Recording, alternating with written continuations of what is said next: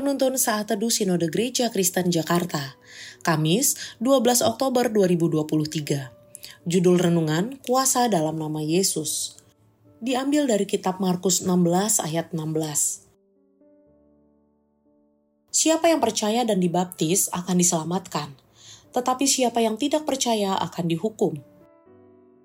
Singkawang dijuluki kota seribu kelenteng, karena memang banyak kelenteng di sana, walau tidak sampai seribu.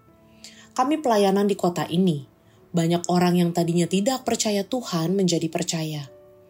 Sebelumnya banyak di antara mereka yang pegang jimat, meramal, menjadi anak angkat para dewa, dan lain-lain. Namun sekarang ketika menjadi anak Tuhan, dilepaskan dari segala ikatan kuasa kegelapan. Di Singkawang juga, saya dapat lebih mengenal kuasa dalam nama Yesus dalam pengalaman yang nyata. Dalam nama Yesus kami mengusir setan-setan yang mengikat orang-orang yang kami layani. Sungguh nyata, nama Yesus memiliki kuasa yang luar biasa dahsyat. Orang-orang yang terikat kuasa kegelapan bisa terlepas dalam nama Yesus.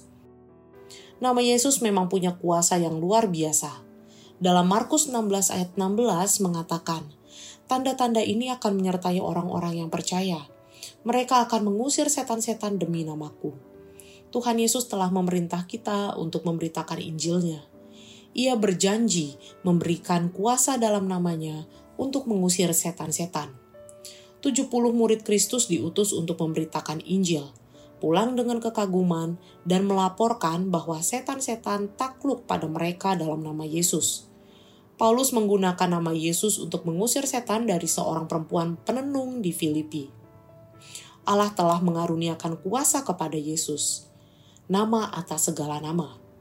Di dalam Yesus, semua lutut akan bertelut dan semua lidah akan mengaku bahwa Kristus adalah Tuhan.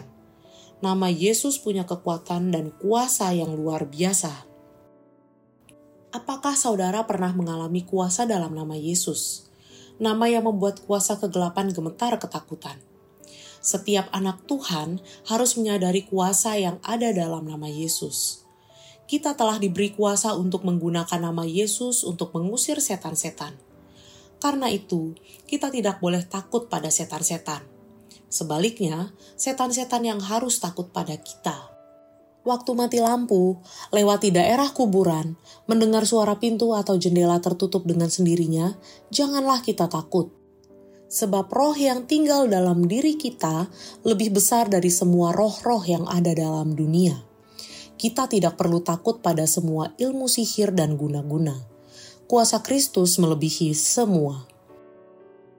Kepadanya dikaruniakan nama atas segala nama, segala lutut akan bertelut. Terpujilah Allah.